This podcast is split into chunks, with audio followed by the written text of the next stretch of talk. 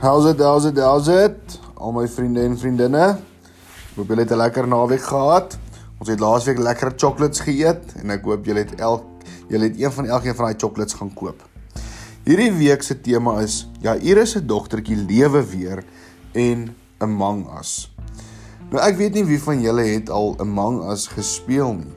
Nou hoe dit werk is jy is of die imposter wat almal moet uitwis, wat almal moet doodmaak of jy is die een wat moet sê wie is die imposter. Nou dit is amper soos Cluedo wat ons gespeel het toe ons klein was. Nou die wonderlike ding van Among Us is dat jy kry elke keer 'n tweede kans. Kom ons sê jy word uitgevang en jy word een kant toe geskuif of of jy word ehm um, kom ons sê jy word doodgemaak in die game, dan kry jy die volgende ronde weer 'n tweede kans. Nou hierdie week gaan ons 'n bietjie gesels oor vyf kinders in 'n in die Bybel.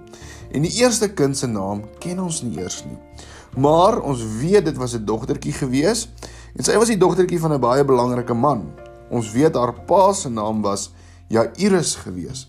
So haar naam kon dalk Jaartjie gewees het of Iris of Jariani. So dit kon dalk haar naam gewees het, ons weet nie. Maar wat ons wel sien is Sy is omtrent so 12 jaar oud gewees. Toe sy baie siek geraak. So siek dat sy amper gesterf het. En Jairus het gehoor van Jesus en die wonders wat Jesus kan doen. En so het hy toe Jesus gaan soek. Kom ons kyk, kom ons lees hierdie gedeelte saam uit Markus 5 vers 21 tot 24 en dan weer 35 tot 43. Vers 21 sê Jesus het daarna met die skei teruggevaar oorkant toe en toe hy nog daar by die see was, het 'n groot menigte hom saamgedrom. Een van die raadslede van die sinagoge, 'n man met die naam Jairus, kom toe daaraan. Net toe hy vir Jesus sien, val hy op sy knieë voor hom en smeek hom dringend: "My dogtertjie lê op haar uiterste. Kom lê tog u hande op haar sodat sy kan gesond word en lewe." En dan sê vers 24 se begin en hy het saam met hom gegaan. Vers 35 se tweede tweede gedeelte sê: "U dogter het gesterwe. Waarom val nie nog ons leermeester lastig?" Jesus het egter met die een oor gehoor wat daar gesê word en hy het toe vir die raadslid van die sinagoge gesê: "Moet jou nie ontstel nie, bly maar net glo." Jesus het niemand behalwe Petrus, Jakobus en Johannes, die broer van Jakobus, toegelaat om verder met hom te gaan nie. Hy kom toe by die huis van die raadslid van die sinagoge aan en sien die hele gedoente van mense wat verskriklik huilend te kere gaan. Hy het ingegaan en vir hulle gesê: "Wat raas en huil julle so? Die kindjie het nie gesterwe nie, sy slaap." Hulle het hom uitgelag. Hy het almal beveel om uit te gaan. Hy het net die pa en die ma van die kindjie en die drie disippels wat by hom was, saamgeneem en in die kamer ingegaan waar die kindjie was. Hy vat toe die kindjie se hand en sê vir haar: "Talita kum." Dit beteken: "Dogtertjie, ek sê vir jou, staan op."